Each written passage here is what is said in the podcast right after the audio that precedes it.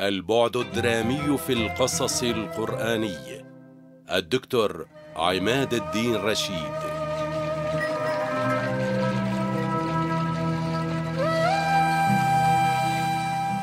يتبوأ الوحي في ثقافة الأمة الإسلامية مكان الصدارة حتى أنه لا يمثل السمة المميزة لهذه الثقافة إلى درجة أنه يشكل هويتها التي لا تنفك عنها. وهذا لا ريب عائد إلى كون الثقافة الإسلامية إلهية المصدر. وانطلاقا من ذلك فقد توجه علماء الإسلام إلى خدمة الوحي كتابا وسنة ووضعوا مناهج دقيقة للتعامل معه تمكنهم من إثباته وتفسيره وفهمه.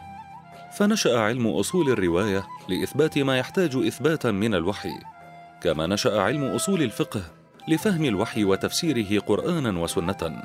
ولم ينحصر أثر علماء الإسلام في خدمة الوحي بولادة العلوم الشرعية بل تعدى ذلك إلى ولادة العلوم اللغوية. فلا يخفى عن الباحثين أن ولادة النحو العربي كان من أجل ضبط النص القرآني والمحافظة عليه من آثار دخول العجمة إلى المجتمع الإسلامي الأول. كما لا يخفى أن ولادة علم البلاغة كان لبيان أسرار الإعجاز اللغوي في القرآن الكريم والذي كان البداية لنظرية الإعجاز القرآني التي ما لبثت أن تطورت فتجاوزت علم البديع والبيان لتستوعب ضروبا متميزة من الفن كالتصوير الفني والتصوير الدرامي في القرآن الكريم.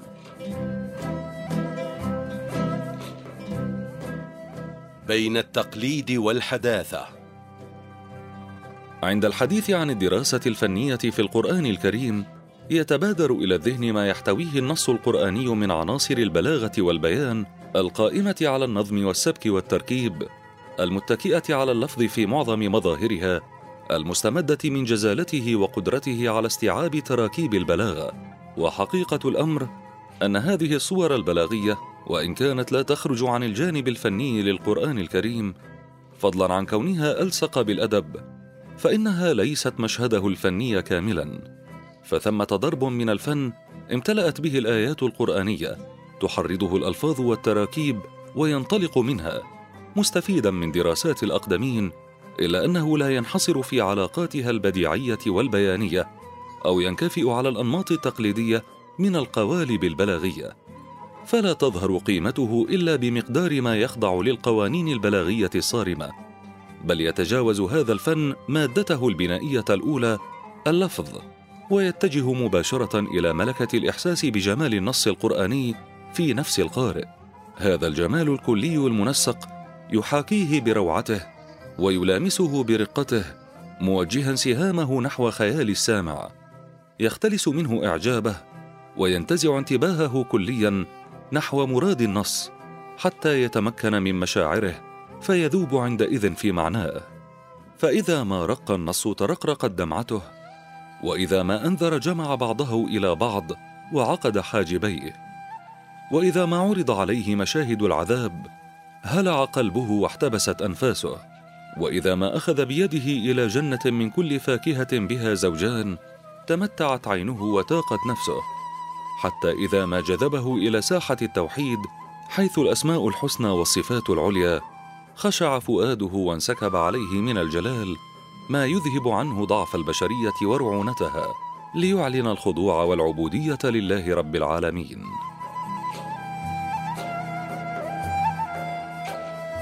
الأنماط الفنية التقليدية. إن أهم ما يميز الأنماط الفنية التقليدية في القرآن الكريم عن هذا النمط المحدث من الدراسة الفنية هو أن الصورة الفنية التقليدية لا يمكن التفاعل معها إلا بعد تأمل نظمها وبذل الجهد في مقايستها وعرضها على القوانين البلاغية. أما هذه الأنماط المحدثة فإنها تطرق نفس السامع وتأخذ بيده نحو المعنى بمجرد السماع من غير حاجة إلى تحصيل.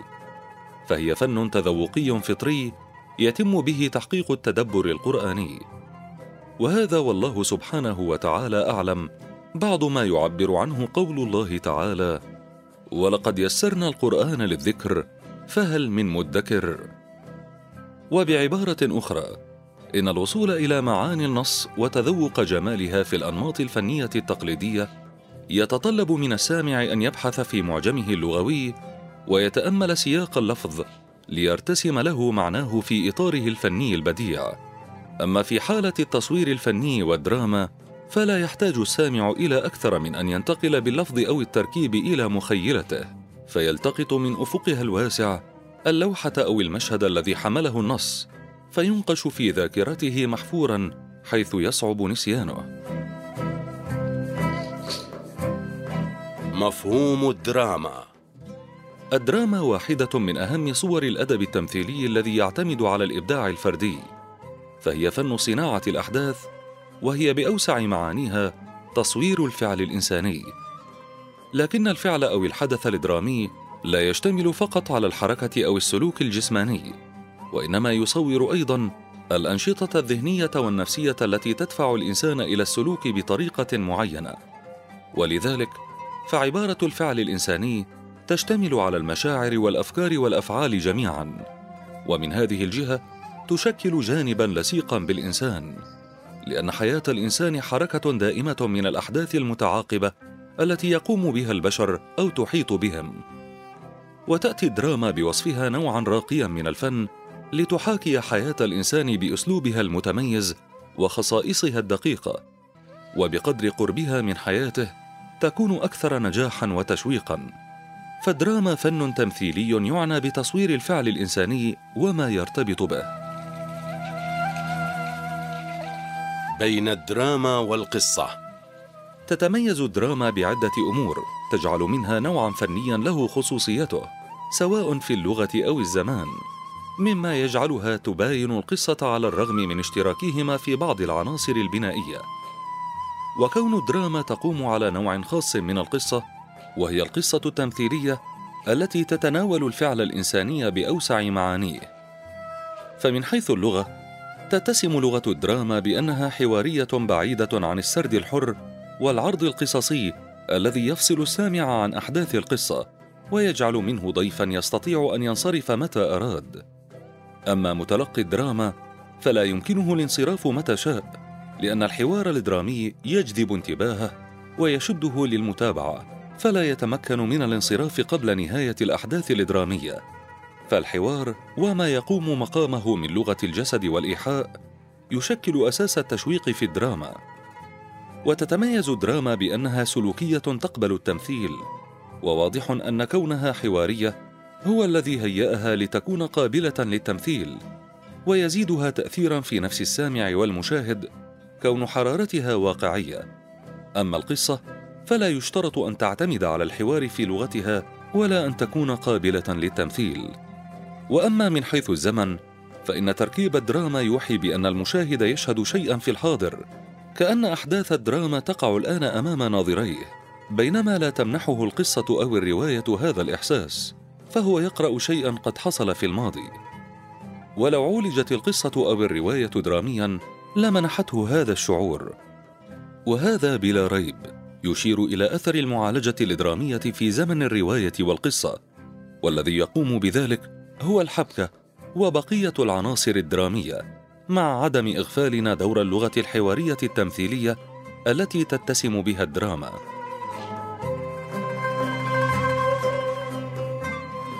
عناصر الدراما. يعبر الأسلوب القرآني بالصورة المحسة المتخيلة عن المعنى الذهني والحالة النفسية وعن الحادث المحسوس والمشهد المنظور وعن النموذج الإنساني والطبيعة البشرية.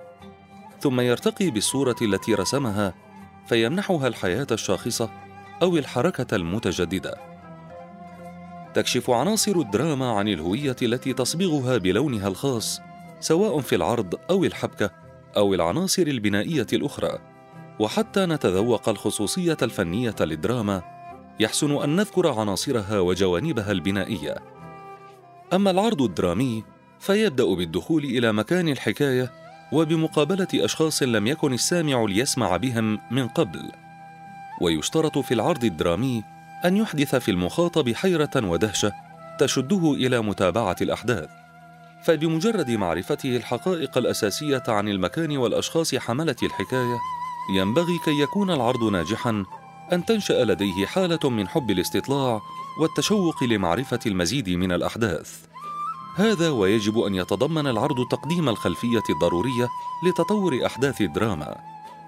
أما الحبكة الدرامية أو ما يسمى بالبناء الدرامي أو العقدة الدرامية فهي من خصائص الدراما التي تكسبها معناها وهي تصرف أدبي فني في القصة يراد منه تحويلها إلى الدراما. فالقصة هي مضمون العمل الدرامي والحبكة صناعة الأحداث التي تحمل هذه القصة. الحبكة روح الدراما التي تميزها عن القصة. ولكن لا يخفى على الباحثين في القصة القرآنية أن القرآن الكريم وإن كان يعتمد على التخيل اسلوبا قصصيا بمعنى تحفيز خيال المتلقي وليس إعمال خيال صاحب النص كبقية نصوص البشر. تعالى الله عن ذلك علوا كبيرا فإنه يعتمد عليه من أجل الوصول إلى ما يسمى بالصدق الفني. وهو ما عبر عنه صاحب التصوير الفني بجمال العرض وتنسيق الأداء وبراعة الإخراج. إلا أنه مع ذلك يحافظ على الصدق الواقعي لأن القصة القرآنية قصة حقيقية واقعية فلا يدخل القرآن في آياته غير الحق.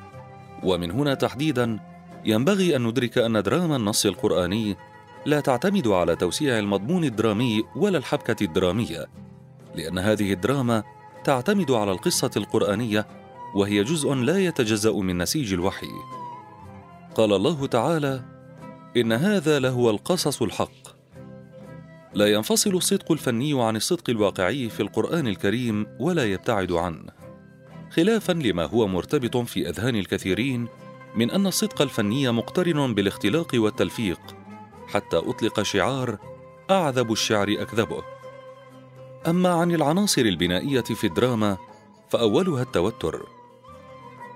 إذ هو أهم سمات العلاقة بين أجزاء هذا العمل الفني وهو يمثل حالة الجذب وأساس التشويق في العمل ويتفاوت قوة وضعفا وتعقيدا وبساطة حتى يصل إلى قمة التوتر فيحدث ما يقال له الذروة الدرامية. ومن صور التوتر الدرامي سوء التفاهم. وهو ما يسمى بالمفارقة الدرامية. ومن الوسائل البسيطة للتوتر الدرامي المفاجأة. وواضح أن كل واحد من المفارقة الدرامية وعنصر المفاجأة يكتنز من التشويق قدرا كبيرا. وهذا الأخير هو الصعب المؤثر في إيجاد التوتر الدرامي.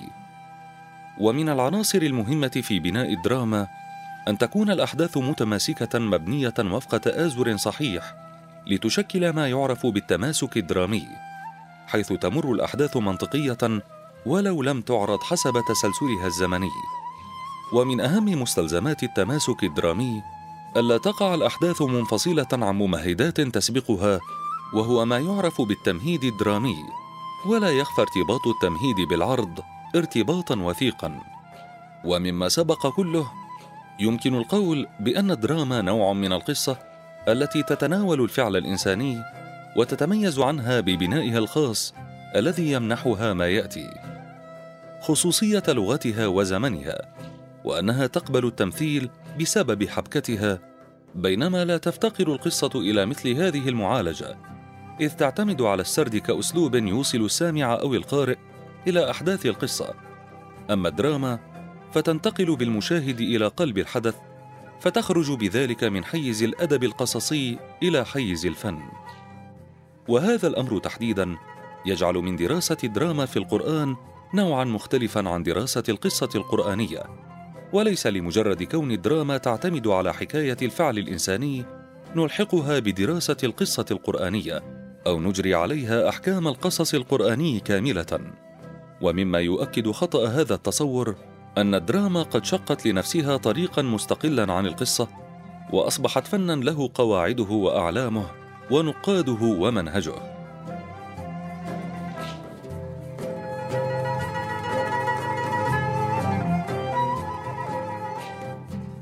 الدراما والتصوير الفني. إن حقيقة وجود الدراما في القرآن الكريم تنبع من تطبيق أحكام الدراما على القصة القرآنية التي قدمها البيان الإلهي بأسلوب التصوير الفني. ومن ثم أريد أن أبين أن سيد قطب رحمه الله في أثناء عرضه لنظريته في التصوير الفني قد ظهر عنده هذا المفهوم ظهورا أوليا من غير أن يفرده بتسمية خاصة. قال رحمه الله عن الأسلوب القرآني فهو يعبر بالصورة المحسة المتخيلة عن المعنى الذهني والحالة النفسية وعن الحادث المحسوس والمشهد المنظور وعن النموذج الإنساني والطبيعة البشرية. ثم يرتقي بالصورة التي رسمها فيمنحها الحياة الشاخصة أو الحركة المتجددة. فإذا المعنى الذهني هيئة أو حركة وإذا الحالة النفسية لوحة أو مشهد وإذا النموذج الإنساني شاخص حي وإذا الطبيعة مجسمة مرئية. ولو رجعنا إلى تعريف الدراما السابق بأنها فن تمثيلي يعنى بتصوير الفعل الإنساني وما يرتبط به وأن عبارة الفعل الإنساني تشتمل على المشاعر والأفكار والأفعال جميعا فسنجد أن فن الدراما يقوم على أسلوب التصوير وهو التعبير بالصورة المتخيلة. وأما مجال الدراما وهو الفعل الإنساني فيدخل في مجال التصوير لأن مجال هذا الأخير يتسع ليشمل المعاني الذهنية والأفكار المجردة زيادة على الفعل الإنساني. ولكن لا بد من البيان بأنه يشترط في الدراما أن تعرض الفعل الإنساني في سياق القصة على نحو قابل للتمثيل. أما عن أثر الدراما فإننا نجد أنه أضيق من التصوير إذ يتناول التصوير اللوحة والمشهد والحركة الحية المتشخصة. وهذه الأمور الثلاثة متدرجة من حيث القيمة الفنية إذ يراد باللوحه ما يشكله التعبير الفني في نفس المتلقي من معنى كأنه صورة بديعة تشده بألوانها الا أنها لا تزال صورة بينما يراد بالمشهد الصورة المركبة أو جملة الصور التي تشكل معاني أوسع من سابقتها إلا أنها ثابتة لا تتحرك. أما الحركة فهي المشاهد والصور الفنية المتعاقبة التي تتفاعل مع الزمن وتتغير مع حركته. فالأولى كالتصوير الفوتوغرافي لمفردة واحدة والثانية كالتصوير الفوتوغرافي لأكثر من مفردة. وأما الثالثة فهي كالتصوير السينمائي أو التلفزيوني. ولو رجعنا إلى الدراما فسنجد أنها لا تشمل سوى الأثر الأخير وهو الحركة الحية المتشخصة. وبعبارة أدق الإيقاع الحركي المتشخص. وهذا الأثر صورة مهمة من صور التعبير الفني. به تدخل الدراما في مجال الفن أكثر من انتمائها إلى مجال الأدب. من هذه المقارنة يمكن أن نستخلص أن الدراما في النص القرآني إنتاج فني مستقل وهو مباين للتصوير الفني في القرآن الكريم وإن كان يعتمد عليه اعتمادا كبيرا.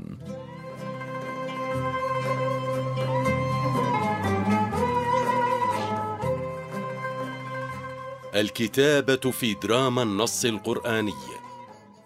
وبذلك نعلم أن سيد قطب رحمه الله قد حام في حديثه عن التصوير الفني في القرآن الكريم حول دراما النص القرآني على الرغم من كونه لم يسمها باسمها أو يفردها بأحكام خاصة. وقد ظهر في كتابه دندنة حول ما ندندن حوله في هذا البحث تحت ما سماه التصوير في القصة.